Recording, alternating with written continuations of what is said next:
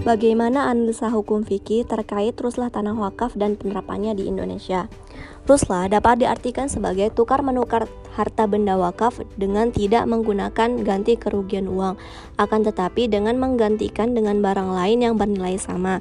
Dalam istilah fikih disebut dengan istibdal dan ibdal yang mempunyai dua pengertian. Pertama, ibdal wakaf yaitu mengeluarkan atau melepaskan harta benda wakaf dari pihak yang diberi wakaf atau penerima wakaf dengan cara menjualnya. Kedua, istibdal wakaf yaitu membeli harta benda lain yang status, statusnya sebagai wakaf penggantinya. Pengertian ibdal wakaf dan istidal wakaf tersebut menegaskan kemungkinan penukaran maukuf atau harta benda wakaf. Caranya ialah menjual maukuf yang tidak produktif dan membeli harta benda lain yang statusnya sebagai wakaf menggantinya. Dalam persoalan tukar guling atau ruslah, para ulama mazhab mempunyai pandangan yang berbeda. Sebagian tidak memperbolehkan dan ada yang memperbolehkan. Nah, ulama yang memperbolehkan itu adalah pendapat ulama Hanafiyah hukum ag hukum agraria dan undang-undang perwakafan nomor 4 tahun 2004. Lebih dari itu, Ulama Hanafiyah menilai ruslah wakaf dianjurkan dan menjadi salah satu cara untuk menyelamatkan harta benda wakaf yang kurang memberikan kontribusi yang signifikan kepada umat. Dalam hukum Islam memang tidak ada nas Al-Quran maupun hadis yang memperbolehkan ruslah tanah wakaf. Meski demikian, dalam praktik ruslah tanah wakaf kerap terjadi.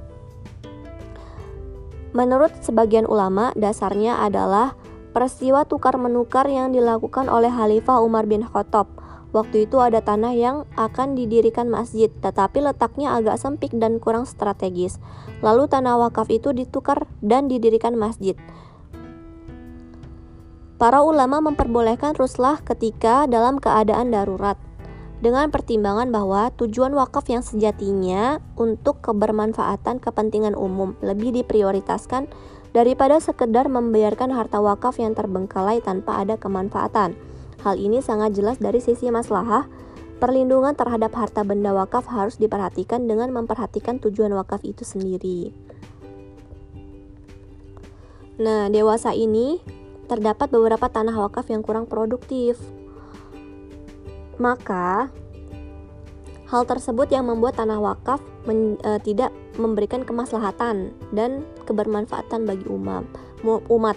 Oleh karena itu, tidak bisa dinafikan akan lebih banyak lagi kasus tanah wakaf atau benda wakaf yang harus diperjuangkan untuk kemaslahatan umat. Salah satu solusi untuk menyelamatkan tanah wakaf tersebut melalui ruslah. Nah, ruslah ini dianggap solusi yang tepat untuk menyelamatkan tanah wakaf atau benda wakaf sehingga melahirkan kemaslahatan dan kemanfaatan bagi umat.